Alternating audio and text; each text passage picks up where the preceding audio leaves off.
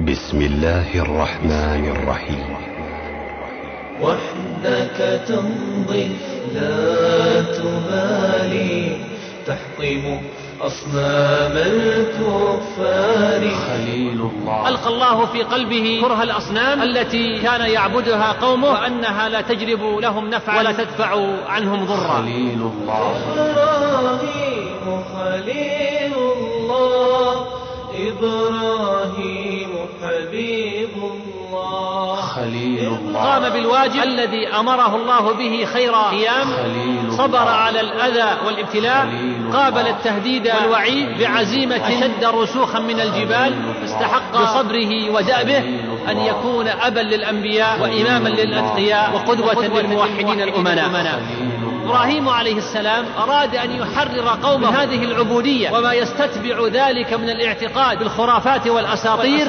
قال أفرأيتم ما كنتم تعبدون؟ أنتم وآباؤكم الأقدمون. فإنهم عدو لي.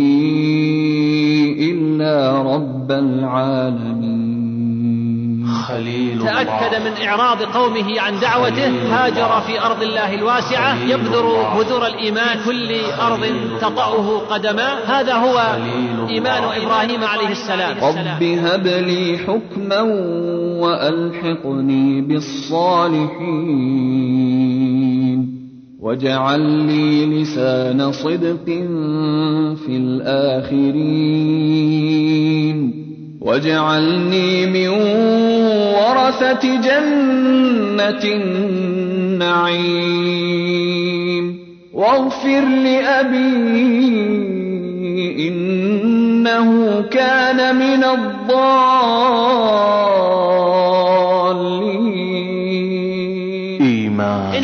الإيمان الذي ينزع من النفس همومها وأحزانها ويسبغ عليها السعادة والطمأنينة. ثبات. إنه الإيمان الذي يخلص النفس من الاستسلام للخرافات. فلا رازق ولا شافي ولا محيي ولا مميت ولا غافر للذنب الله. إلا الله رب العالمين. ولا تخزني يوم يبعثون.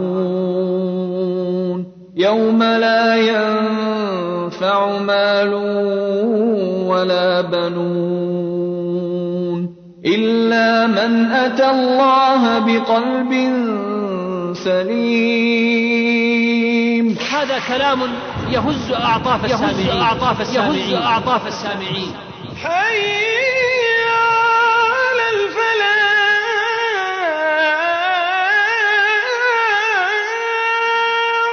وأذن في الناس بالحج يأتوك رجالا وعلى كل ضامر يأتين من كل فج عميق. ها نحن نرى المسلمين. يتواردون إلى مكة من كل فج عميق وينطلقون في حشد لم يعرف ولن يعرف التاريخ له مثيلا في العدد والنظام وحدة المشاعر والهدف وجميعهم يرددون بصوت واحد لبيك اللهم لبيك لبيك لا شريك لك لبيك إن الحمد والنعمة لك والملك لا شريك لا شريك لا شريك لك. مئات الألوف. من الناس. من الناس. هذه الكعبة قبلتنا. بيت الله.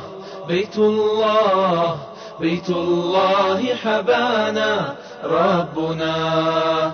بيت الله حبانا. ربنا. يا أبا تفعل ما تؤمر. ستجدني إن شاء الله من الصابرين. إن اللسان ليعجز عن وصف مضمون هذا القول. الذي يتمثل في الرضا التام في الرضا التام بتضحية النفس في سبيل الله عز وجل. بيت الله حبانا ربنا. الفاتحين للإنتاج الإعلامي والتوزيع. بمكة المكرمة. تقدم. وحدك تمضي لا تبالي. تحطم أصنام الكفار. إبراهيم خليل الله. خليل الله. محاضرة لفضيلة الشيخ ناصر الأحمد. حفظه الله. حفظه الله, حفظه الله. إن الحمد لله نحمده ونستعينه ونستغفره. ونعوذ بالله تعالى من شرور أنفسنا ومن سيئات أعمالنا. من يهده الله فلا مضل له ومن يضلل فلا هادي له وأشهد أن لا إله إلا الله وحده لا شريك له وأشهد أن نبينا محمدا عبده ورسوله. اللهم صل وسلم وبارك على عبدك ورسولك نبينا محمد وعلى آله وصحبه وسلم تسليما كثيرا. أما بعد ولد إبراهيم عليه الصلاة والسلام كما ذكر الحافظ ابن كثير رحمه الله تعالى بأرض بابل. وكانت ولادته بعد أن بلغ والده من العمر خمسا وسبعين سنة وكان اسم والده آزر كما جاء في قول الله تبارك وتعالى وإذ قال إبراهيم لأبيه آزر أتتخذ أصناما آلهة؟ إني أراك وقومك في ضلال مبين. وكان مولد خليل الرحمن إبراهيم عليه السلام في عهد النمرود وكان النمرود حاكما مستبدا جبارا وكانت رعيته تتقلب في دياجير الجهل والضلالة كما كانوا يعبدون الحجارة الصماء والتماثيل البكماء. استخف النمرود بقومه فنصب نفسه إلها لهم ودعا الناس إلى عبادته فأطاعوه وفي هذه البيئة الفاسدة ولد خليل الرحمن إبراهيم عليه الصلاة والسلام. وكان أبوه آزر من ألد أعدائه وكذلك كان أقرباؤه وأشقاؤه وأترابه وهذا يعني أنه كان غريبا بين أهله وذويه. ولما شب إبراهيم عليه السلام تزوج بامرأة تسمى سارة وكانت عقيما لا تلد. وقد عرف إبراهيم عليه الصلاة والسلام منذ نعومة أظفاره بصائب رأيه وثاقب فكره أن الله واحد أحد ليس له شريك في الملك وألقى الله في قلبه كره الأصنام التي كان يعبدها قومه وأنها لا تجلب لهم نفعا ولا تدفع عنهم ضرا. ابتعث الله إبراهيم عليه السلام بالرسالة. وهو في بابل فقام بالواجب الذي أمره الله به خير قيام وصبر على الأذى والابتلاء وقابل التهديد والوعيد بعزيمة أشد رسوخا من الجبال وعندما تأكد من إعراض قومه عن دعوته هاجر في أرض الله الواسعة يبذر بذور الإيمان في كل أرض تطأه قدماه فاستحق بصبره ودأبه أن يكون أبا للأنبياء وإماما للأتقياء وقدوة للموحدين الأمناء. ونظرا لأهمية الدور الذي قام به إبراهيم عليه السلام فقد ذكرت قصته في خمس وعشرين سورة وفي ثلاث وستين آية من كتاب الله عز وجل. إن البيئة التي نشأ فيها إبراهيم عليه السلام سيطر عليها تعدد الآلهة ونصبت فيها التماثيل لعبادتها لذلك عزم إبراهيم عليه السلام على هداية قومه وتخليصهم من هذه الأباطيل وهذا ما ذكره الله لنا بقوله ولقد آتينا إبراهيم رشده من قبل وكنا به عالمين إذ قال لأبيه وقومه ما هذه التماثيل التي أنتم لها عاكفون؟ قالوا وجدنا آباءنا لها عابدين. قال لقد كنتم أنتم وآباؤكم في ضلال مبين. قالوا أجئتنا بالحق أم أنت من اللاعبين؟ قال بل ربكم رب السماوات والأرض الذي فطرهن وأنا على ذلك من الشاهدين. كان تعليل هؤلاء القوم لعبادتهم لهذه الأصنام هو أنهم وجدوا آباءهم عابدين لها فاقتدوا بهم. فإبراهيم عليه السلام أراد أن يحرر قومه من هذه العبودية وما يستتبع ذلك من الاعتقاد بالخرافات والأساطير. قال الله تعالى قال أفرأيتم ما كنتم تعبدون؟ أنتم وآباؤكم الأقدمون. فإنهم عدو لي إلا رب العالمين. الذي خلقني فهو يهدين والذي هو يطعمني ويسقين. وإذا مرضت فهو يشفين والذي يميتني ثم يحيين والذي أطمع أن يغفر لي خطيئتي يوم الدين. هذا هو إيمان إبراهيم عليه السلام. إنه إيمان المستسلم لربه في كل جارحة من جوارحه. إنه الإيمان الذي ينزع من النفس همومها وأحزانها ويسبغ عليها السعادة والطمأنينة. إنه الإيمان الذي يخلص النفس من الاستسلام للخرافات فلا رازق ولا شافي ولا محيي ولا مميت ولا غافر للذنب إلا الله رب العالمين. كان والد إبراهيم في مقدمة عابد الأصنام بل كان ممن ينحتها ويبيعها وقد عز على إبراهيم فعل والده وهو أقرب الناس إلى قلبه فرأى من واجبه أن يخصه بالنصيحة. ويحذره من عاقبة الكفر ولكن بأي أسلوب خاطب إبراهيم أباه؟ لقد خاطبه بلهجة تسيل ادبا ورقة مبينا بالبرهان العقلي بطلان عبادته للأصنام. قال الله تعالى واذكر في الكتاب إبراهيم إنه كان صديقا نبيا. إذ قال لأبيه يا أبت لم تعبد ما لا يسمع ولا يبصر؟ ولا يغني عنك شيئا.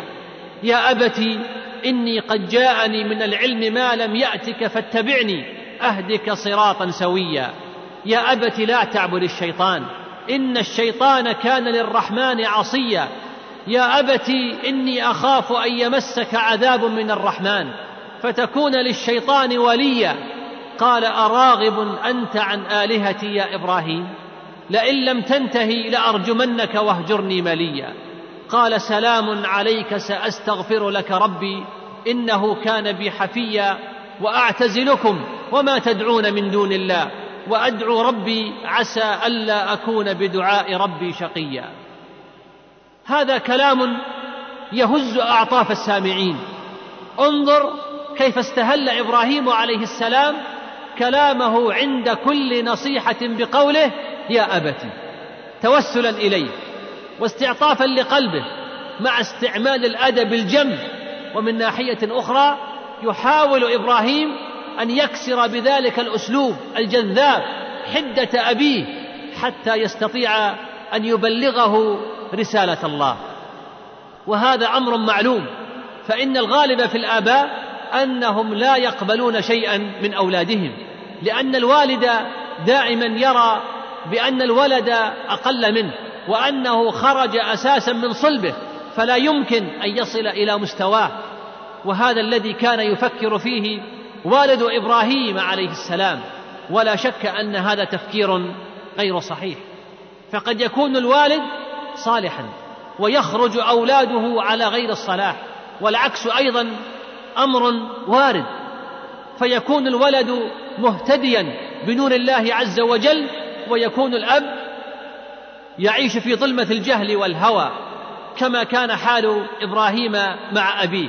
فحاول إبراهيم أن يقيم الحجة على أبيه وهو هادئ غير ثائر بعد أن ناداه بذلك الأسلوب الموجب للحنان والعطف.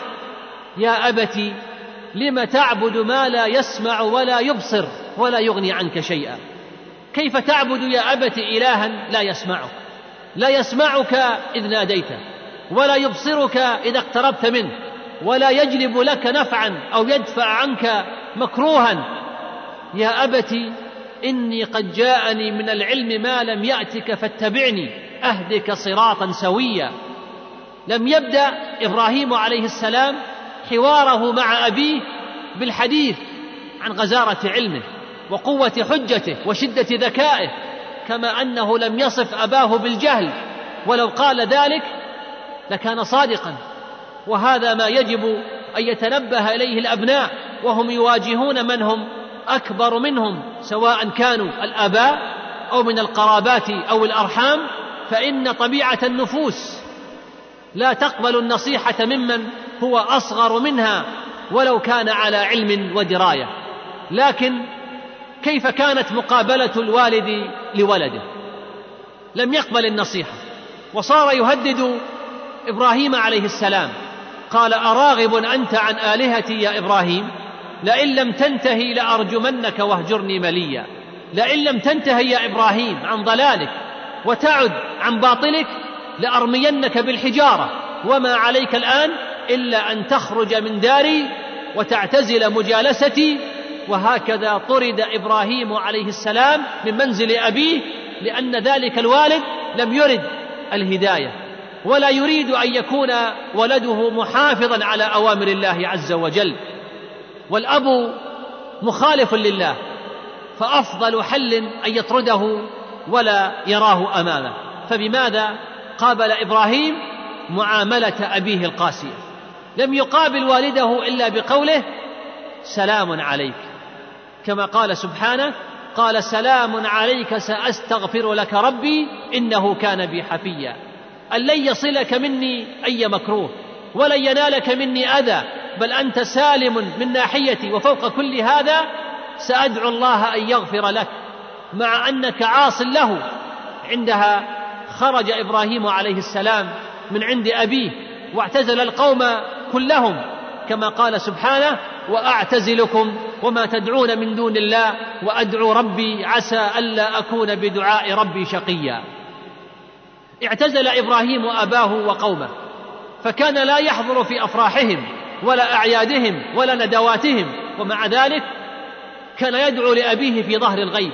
عسى الله أن يهديه ولكن هذه الدعوة لم تستمر. فبعد أن علم أن أباه لا يمكن أن يهتدي وأنه سوف يلقى الله عز وجل وهو كافر أمره الله عز وجل أن يتبرأ منه. قال الله تعالى وما كان استغفار إبراهيم لأبيه إلا عن موعدة وعدها إياه. فلما تبين له أنه عدو لله تبرأ منه إن إبراهيم لأواه حليم. بعد ذلك عزم إبراهيم عليه السلام على تحطيم أصنام القوم ورأى أنها هي الطريقة العملية لإقامة الحجة عليهم. إن هذه الأصنام لا تضر ولا تنفع. فالبرهان العملي له في النفس البشرية وقع كبير أشد أثرا من الوعظ والإرشاد. تحين إبراهيم عليه السلام الفرصة المناسبة لتحقيق ما عزم عليه حتى صار يوم عيد عندهم خرج معهم ثم انتهز فرصة غفلتهم ورجع أدراجه نحو المكان الذي فيه أصنامهم. وكان قد صمم على تحطيمها وصل إبراهيم عليه السلام إلى الهيكل الذي أقيمت فيه أصنامهم. وكان بعضها إلى جانب بعض يتصدرها كبيرها ورأى أمامها ما تركه القوم قربانا لها من الطعام والشراب لتأكله في زعمهم فخاطبها إبراهيم ساخرا ألا تأكلون؟ فلما لم يجبه أحد قال ما لكم لا تنطقون؟ ثم انحنى عليها ضربا بيده فكسرها كلها بفأس كان معه وجعلها قطعا صغيرة. أما الصنم الكبير فأبقاه ولم يكسره وهو أكبر الآلهة عندهم وعلق الفأس بيده ثم غادر الهيكل. قال الله تعالى فتولوا عنه مدبرين فراغ إلى آلهتهم فقال ألا تأكلون؟ ما لكم لا تنطقون؟ فراغ عليهم ضربا باليمين. وجاء في آية أخرى وتالله لأكيدن أصنامكم بعد أن تولوا مدبرين فجعلهم جذاذا إلا كبيرا لهم لعلهم إليه يرجعون. فإبراهيم عليه السلام أراد بتحطيمه لهذه الأصنام أن يقيم دليلا حسيا لقومه على بطلان عبادتهم لهذه الأصنام. فلو كانت آلهة حقيقية لدافعت عن نفسها. رجع القوم بعد أن احتفلوا بعيدهم فرأوا ما حل بأصنامهم. فراعهم ذلك وتساءلوا فيما بينهم عن الفاعل الذي نال من مقدساتهم. فقال بعضهم سمعنا فتى يذكر هذه الأصنام بسوء يسمى إبراهيم. كان من عادته أن يعيبها ويستهزئ بها وهو الذي نظنه فعل بها هذا الفعل. وصل الخبر إلى الحكام. فقالوا لجنودهم أحضروه لنحاكمه على مشهد من الناس. جيء به عليه السلام فسأله الحكام أأنت فعلت هذا بآلهتنا يا إبراهيم؟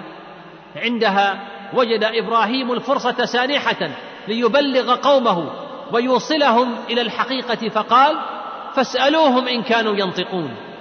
عندها أدرك القوم فأطرقوا رؤوسهم من الخجل لكنهم بفكرهم وعنادهم عادوا إلى مجادلة إبراهيم قائلين إنك تعلم أن هذه الأصنام لا تتكلم فكيف تطلب منا أن نسألها؟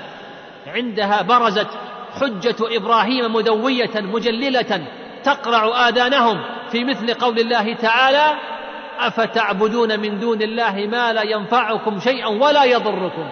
أف لكم ولما تعبدون من دون الله أفلا تعقلون. وبعدما رأى القوم أنه لا يمكن مناظرة إبراهيم عليه السلام بالحجة استخدموا القوة معه فأصدروا حكمهم عليه بالموت. حرقا كما قال تعالى قالوا حرقوه وانصروا آلهتكم إن كنتم فاعلين. وهذا هو سلاح أهل الباطل الذي يلجؤون إليه دائما في كل عصر فأجمع القوم الرأي على إحراقه بالنار. ولكن أي نار؟ بنوا بنيانا شاهقا ووضعوا فيه كميات كبيرة من الحطب. شارك القوم كلهم في جمعها. قال الله تعالى قالوا ابنوا له بنيانا فألقوه في الجحيم. قال ابن إسحاق رحمه الله وجمعوا من الحطب شهرا ثم أوقدوها فاشتعلت النار واشتدت حتى أن الطائر ليمر بجنباتها فيحترق من شدة وهجها. وعندما أرادوا حرق إبراهيم عليه السلام لم يستطيعوا الاقتراب من النار لشدة حرها فوضعوه في المنجنيق وألقوه من بعيد وهو مربوط مغلول. وفي تلك اللحظات كان إيمان إبراهيم عليه السلام بربه أشد رسوخا من الجبال الرواسي وكان ثقته بنصر الله وتأييده أقوى من الأرض ومن عليها ولهذا لم يكترث لجماهيرهم المحتشدة ونيرانهم الملتهبة وكلماتهم النابية. قال ابن عباس رضي الله عنهما قال كان آخر قول إبراهيم حين ألقي في النار حسبي الله ونعم الوكيل. حسبي الله ونعم الوكيل. وقالها أيضا رسولنا محمد صلى الله عليه وسلم حين قالوا إن الناس قد جمعوا لكم فاخشوهم. فزادهم إيمانا وقالوا حسبنا الله ونعم الوكيل فانقلبوا بنعمة من الله وفضل لم يمسسهم سوء. وكذلك إبراهيم عليه السلام انقلب بنعمة من الله وفضل لم يمسه سوء. فوالله إنها لكلمة نافعة في مواقف الضيق. وعندما يشتد الكرب بالمسلم لو قالها من قلب صادق موقن بنصر الله عز وجل حسبنا الله ونعم الوكيل. عندها نزلت رحمة الله عز وجل على نبيه. قلنا يا نار كوني بردا وسلاما على إبراهيم. فسلبت النار الخاصية التي أعطاها الله عز وجل وهي الإحراق لتكون بأمره بردا وسلاما. إنما أمره إذا أراد شيئا أن يقول له كن فيكون. خرج خليل الرحمن من النار سليما معافا وقومه يشاهدونه ولا يتعظون لأن الله قد كتب عليهم الهلاك بكفرهم وعنادهم وأرادوا به كيدا فجعلناهم الأخسرين. ومن سنن الله عز وجل أن ينصر رسله إذا بلغت الشدة بهم منتهاها ويخذل أعداءه كما قال سبحانه حتى إذا استيأس الرسل وظنوا أنهم قد كذبوا جاءهم نصرنا فنجي من نشاء ولا يرد بأسنا عن القوم المجرمين. وللوزغ موقف من حرق إبراهيم عليه السلام بالنار.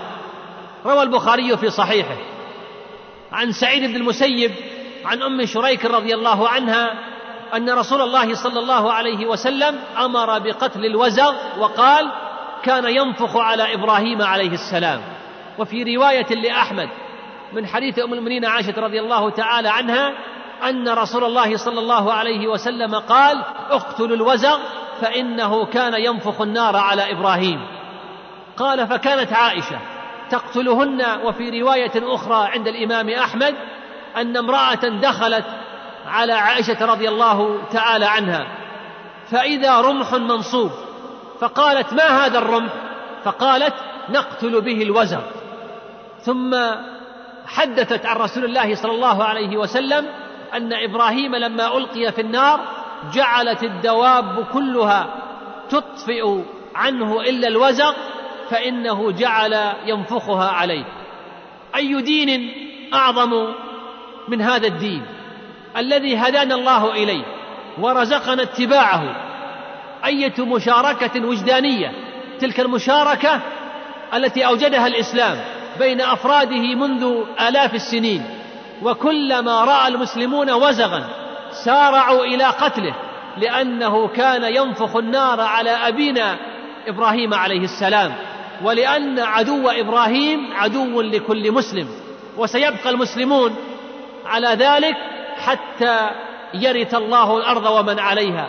فلا ود ولا مصالحة مع أعداء الله ولو كانوا حيوانات صغيرة كالاوزاغ وقصة الوزغ يعرفها خاصة المسلمين وعامتهم فلو رأى فتى صغير في قرية نائية وزغا لسارع إلى قتله لأنه رأى أهله يقتلونه وسمع منهم أنه كان ينفخ النار على الخليل إبراهيم عليه الصلاة والسلام.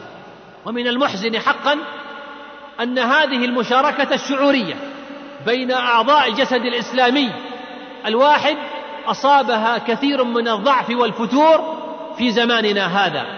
فكم يصاب المسلمون في اقاصي الأرض بشتى المصائب.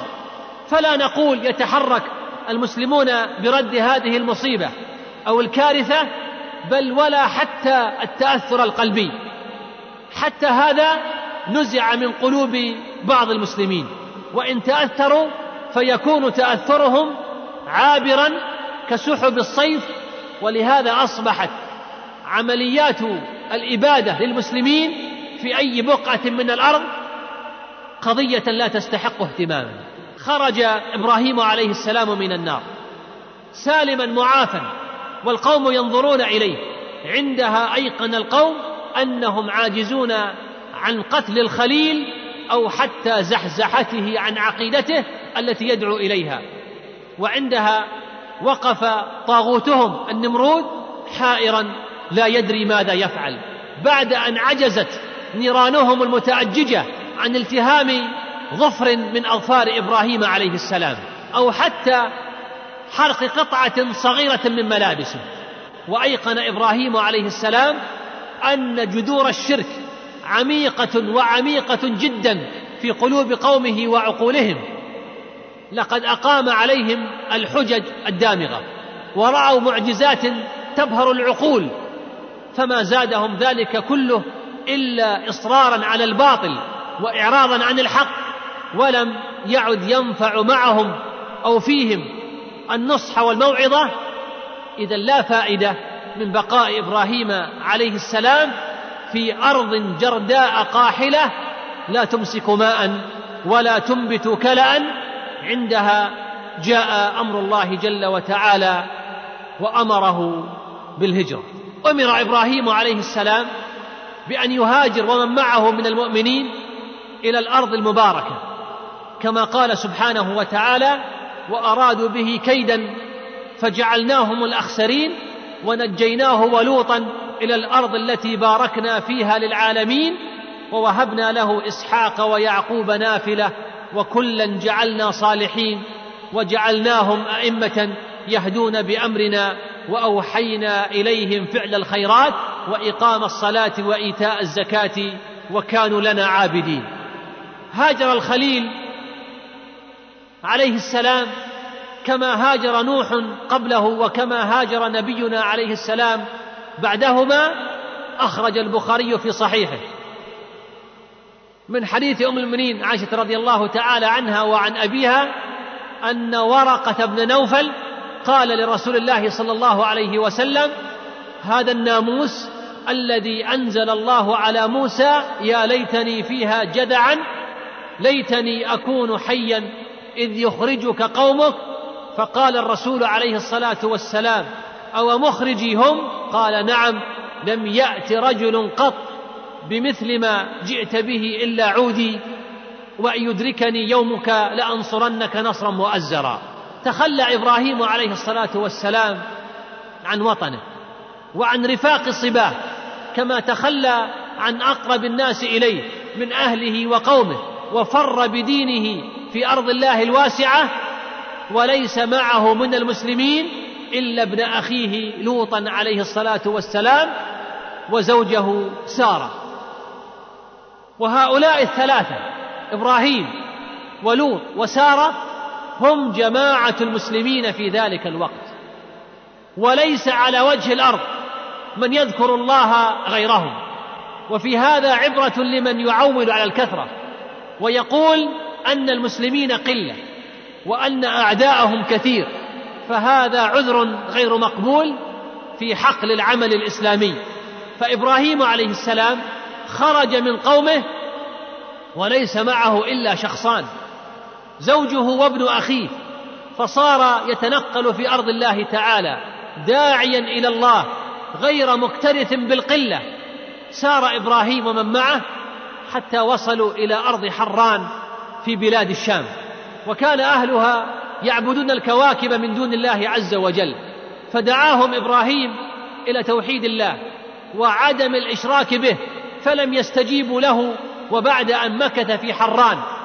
ما شاء الله له أن يمكث بعدها رحل إلى أرض بيت المقدس وما والاها ثم ارتحل بعدها إلى مصر وهناك جرت له قصة مع ملك مصر يخص زوجه سارة وقد ذكر هذه القصة الإمام البخاري في صحيحه من حديث أبي هريرة رضي الله عنه ملخصها أن هذا الملك أعجب بزوجة إبراهيم عليه السلام فأمر جنوده فسلبت منه وكان هذا ابتلاء آخر لنبي الله عز وجل فأدخلها الطاغوت إلى قصره ثم حاول قبحه الله هتك عرضها والاعتداء على شرفها وهي لا تملك قوة تدافع بها عن نفسها ويبيت زوجها خليل الرحمن لائذا بكنف الله سبحانه لا يدري ماذا يصنع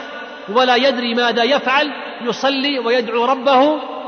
وهل له وسيلة أخرى غير الدعاء في مثل هذه المواقف؟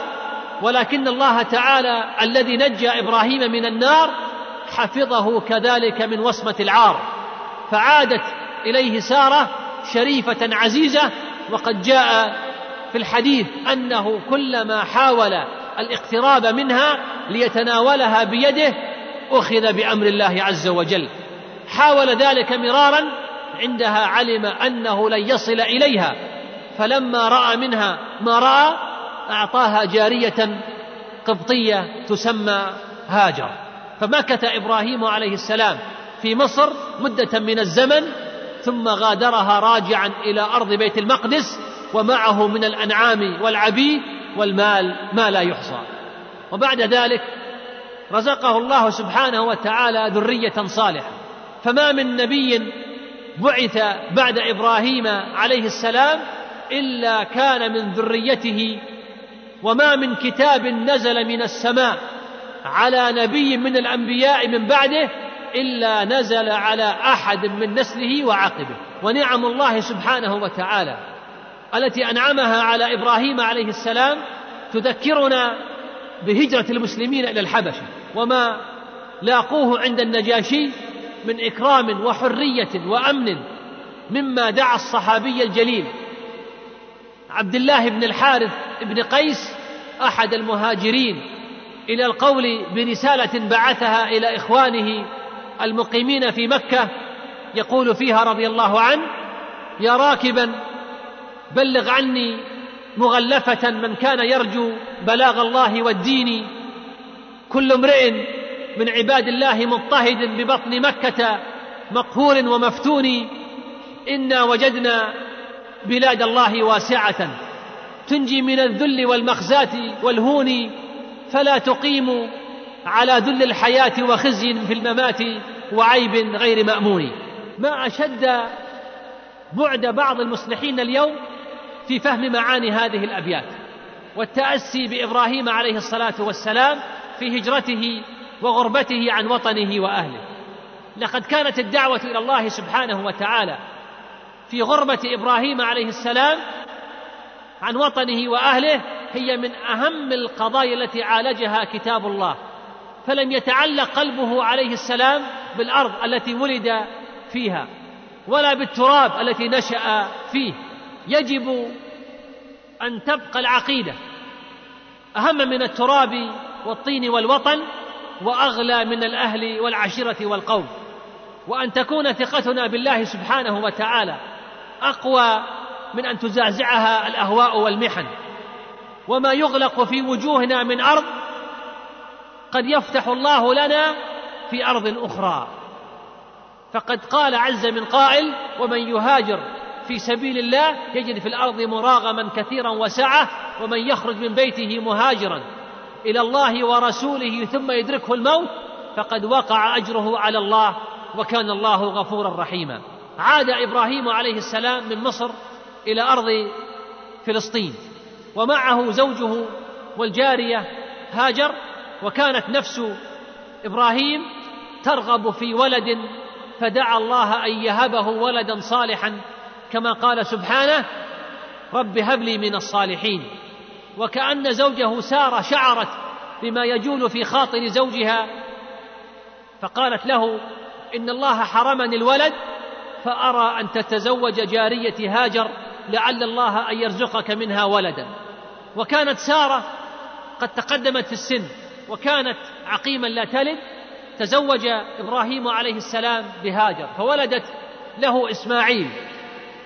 بدأت هاجر تعتز بهذا الولد مما أثار الحسرة والغيرة في نفس سارة فطلبت من إبراهيم عليه السلام إقصاءها عن وجهها. استجاب إبراهيم عليه السلام إلى رغبتها لأمر يريده الله عز وجل فأوحى الله إلى إبراهيم أن يأخذها وأن يذهب بها إلى مكة. وكان إسماعيل يومئذ رضيعا. اصطحب إبراهيم الغلام وأمه هاجر وسار بهما سيرا طويلا إلى أن أمره الله بالتوقف في أرض خلاء بعيدة عن العمران في المكان الذي سيبنى فيه البيت الحرام.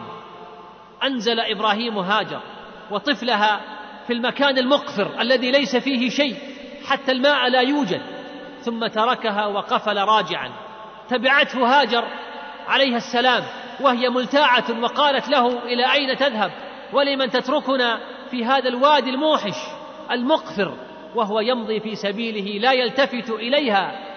عندئذ قالت آه الله أمرك بهذا؟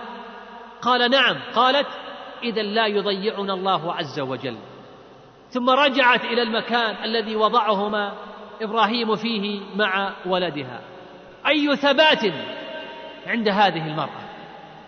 انطلق إبراهيم عليه السلام وقلبه منفطرا على فراق زوجته وولده لكن مشيئة الله عز وجل فوق مشيئة العبد فاستسلم لربه وقفل راجعا وهو يبتهل لربه ويدعو بهذه الكلمات التي ذكرها الله عز وجل لنا في كتابه ربنا إني أسكنت من ذريتي بواد غير ذي زرع عند بيتك المحرم ربنا ليقيموا الصلاة فاجعل أفئدة من الناس تهوي إليهم وارزقهم من الثمرات لعلهم يشكرون. ربنا إنك تعلم ما نخفي وما نعلن وما يخفى على الله من شيء في الأرض ولا في السماء. امتثلت هاجر لأمر الله وتحلت بالصبر ومكثت تأكل من الزاد وتشرب من الماء الذي تركه إبراهيم إلى أن نفد كله فعطشت. وعطش ولدها وجعلت تنظر إليه وهو يتلوى من الظمأ فلم تحتمل هذا المشهد. المؤلم وهبت قائمة وسارت تعدو وتهرول صعدت مكانا مرتفعا يعرف بالصفا فنظرت لعلها ترى ماء فلم تر شيئا فهبطت وسعت سعي الإنسان المرهق حتى أتت مكانا مرتفعا آخر يعرف بالمروة. فنظرت فلم تر شيئا ثم رجعت إلى الصفا فنظرت لعلها ترى شيئا أو احدا فلم تر شيئا فعلت ذلك سبع مرات ثم لما أشرفت أخيرا على المروة سمعت صوتا فتلفتت فإذا بملك من الملائكة عند موضع بئر زمزم فبحث بجناحه حتى ظهر الماء وقيل إن إسماعيل كان يفحص بقدميه الأرض فنبع الماء من تحتهما والله أعلم بالصواب. على كل سواء هذا أو هذا أو غيره فكله حاصل بأمر الله عز وجل وإرادته. رأت هاجر هذا المشهد المثير فغمرها السرور والفرح ثم جعلت تغرف من الماء وتسقي ولدها وتروي نفسها ولما نبع الماء اجتذب الطير إليه. وكان قوم من قبيلة جرهم يسيرون قرب هذا المكان.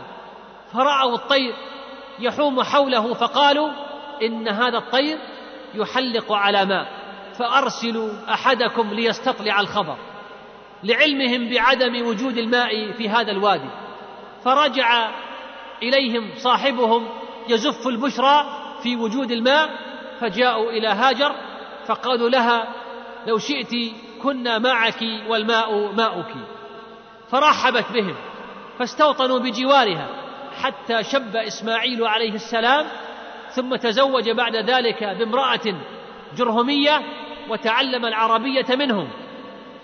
كان إبراهيم عليه السلام يزورهم من حين لآخر.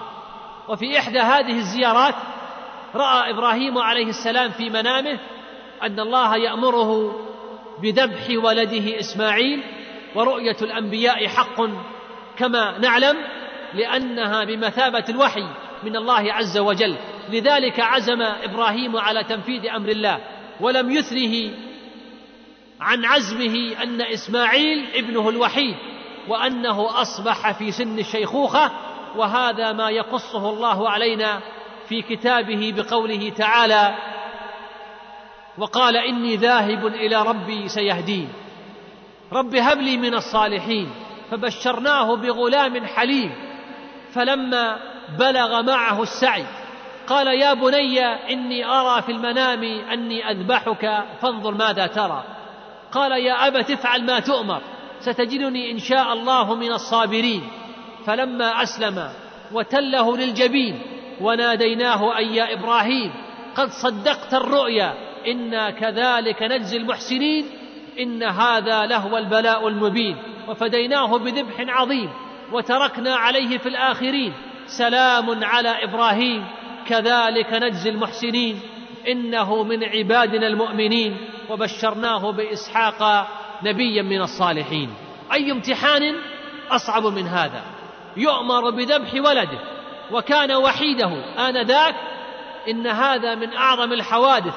وأجلها في تاريخ التضحيات وبالأخص إذا نظرنا إليها من الزوايا التي أحيطت بهذه التضحية. فإبراهيم الحريص على الذرية والذي رزق ولدا في سن الشيخوخة هذا الولد هو مهجة قلبه وأمل حياته ووارث اسمه.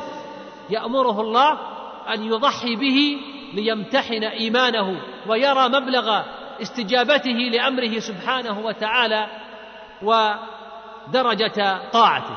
حدث إبراهيم ولده في هذا الشأن الخطير ويكاد قلبه لينخلع من الحزن فيجيبه إسماعيل بقوله يا ابت افعل ما تؤمر ستجدني إن شاء الله من الصابرين. إن اللسان ليعجز عن وصف مضمون هذا القول الذي يتمثل في الرضا التام بتضحية النفس في سبيل الله عز وجل. تضحية من وجهين تضحية الوالد بولده وتضحية الابن بنفسه. هذه هي أرفع صور الإيمان وأجلها في تاريخ الإنسانية. فليس الإيمان ادعاءات تلوكها الألسنة وليس الإيمان تسلية للأحزان لفترة ما وليس نظرية من النظريات يغوص العقل في كشف خفاياها بل الإيمان هو الاندماج الكلي فيما أراده الله عز وجل إرادته التي تتركز في العمل بوصايا الرب عز وجل وأوامره في كل شيء والتضحية بكل غال ونفيس في سبيله. ما أحوجنا إلى هذا الدرس في هذا الزمن الذي أصبح فيه المال والولد والزوجة يستأثرون بحب الإنسان الذي يؤثرهم على كل شيء حتى أصبحوا له معبودات من دون الله. وما أحقر الإنسان إذا تعلق بزينة الحياة الدنيا الفانية وترك الحقيقة الخالدة التي هي مصدر وجوده ومصدر استمرار حياته. قدم إبراهيم يوما إلى مكة وأتى بيت إسماعيل فلم يجد ووجد امرأته وكانت تجهل أنه والد زوجها فسألها عن إسماعيل فأخبرته أنه خرج يصطاد ثم سألها عن حالهم فقالت نحن في ضيق وشدة وشكت إليه سوء الحال. ثم قال لها هل عندك ضيافة من طعام أو شراب؟ فقالت ليس عندي شيء. ولما لقي منها إبراهيم من البخل وعدم الرضا بقسمة الله تعالى قال لها إذا جاء زوجك فأقرئيه السلام وقولي له فليغير عتبة بابه. انطلق إبراهيم عليه السلام وجاء الزوج وكأنه آنس أن أمرا حدث خلال غيابه فقال هل جاءكم أحد؟ فقالت نعم جاءنا شيخ كبير صفته كذا وكذا وسألني عنك فأخبرته بالواقع. فقال لها هل أوصاك بشيء؟ قالت نعم أمرني أن أقرئك السلام وطلب مني أن أقول لك أن تغير عتبة بابك. فقال إسماعيل ذلك أبي وقد أمرني أن أفارقك فالحقي بأهلك. ثم طلقها عليه السلام وتزوج امرأة أخرى.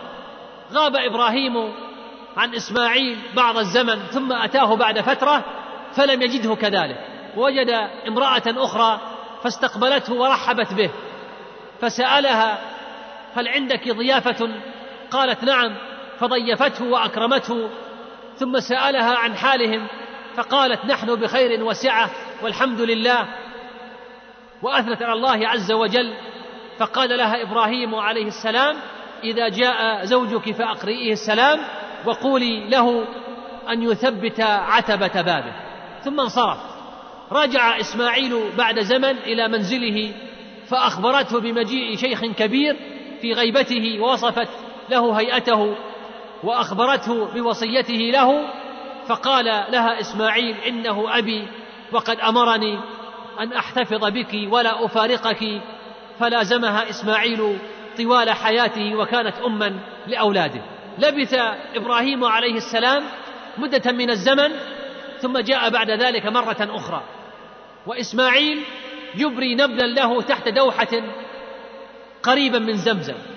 فلما رآه قام إليه فصنع كما يصنع الوالد بالولد والولد بالوالد. ثم قال يا إسماعيل إن الله أمرني بأمر. قال فاصنع ما أمرك الله به. قال وتعينني. قال نعم.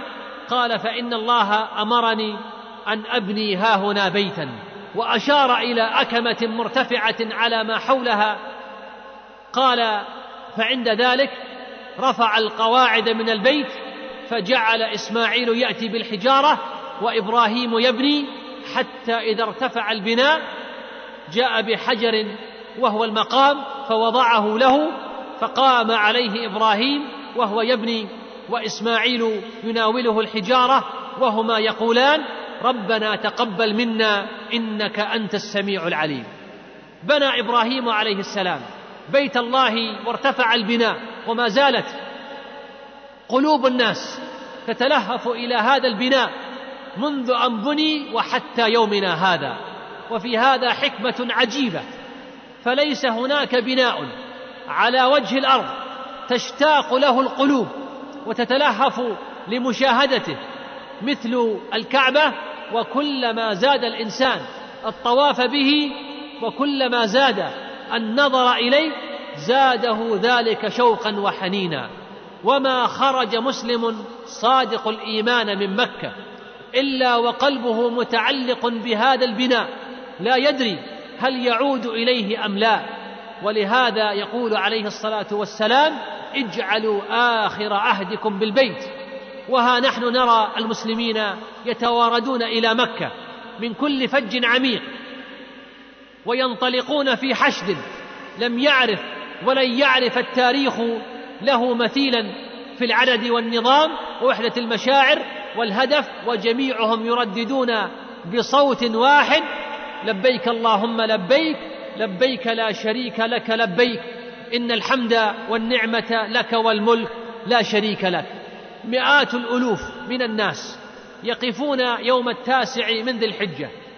في كل عام في أرض عرفات يقفون وقد خلعوا ملابسهم إلا لباس الإحرام. وأقبلوا على الله داعين ملبين وتتحرك هذه الجماهير المحتشدة كلها من عرفات قبل غروب الشمس كما تتحرك من مزدلفة بعد صلاة الفجر وكل شيء في هذه الشعائر يذكرها بإبراهيم وإسماعيل ومحمد عليهم أفضل الصلاة وأتم التسليم. فعندما يطوفون بالبيت العتيق يتذكرون من بناه؟ وكيف كان إبراهيم وإسماعيل يدوران حول البيت ويرددان؟ ربنا تقبل منا إنك أنت السميع العليم. وعندما يسعون بين الصفا والمروة يتذكرون سعي هاجر الحزينة وهي تبحث عمن يغيثها وينقذ ولدها من الهلاك. وعندما يشربون من زمزم يتذكرون كيف فجر الله هذا الماء من وسط هذه الصخور ومن به على عبده ونبيه إسماعيل عليه السلام.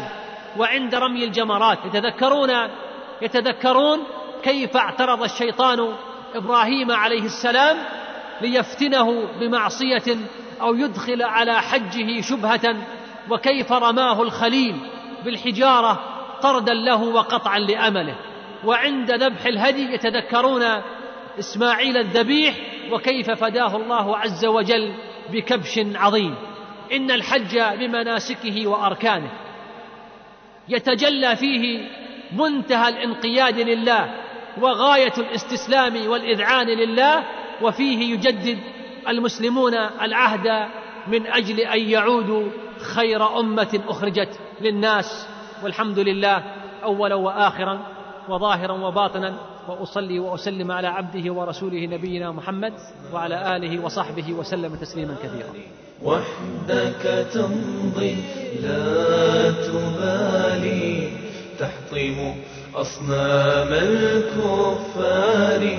وحدك تمضي لا تبالي. تقبلوا تحيات إخوانكم في الفاتحين. للإنتاج الإعلامي والتوزيع. بمكة المكرمة. للتوزيع الخيري صفر ستة وخمسون ستون ستون أحد أحد عشر. وحدك تمضي لا تبالي. تحطم أصنام الكفار وحدك تمضي لا تبالي. تحطم أصنام الكفار. إبراهيم خليل الله. إبراهيم حبيب الله. إبراهيم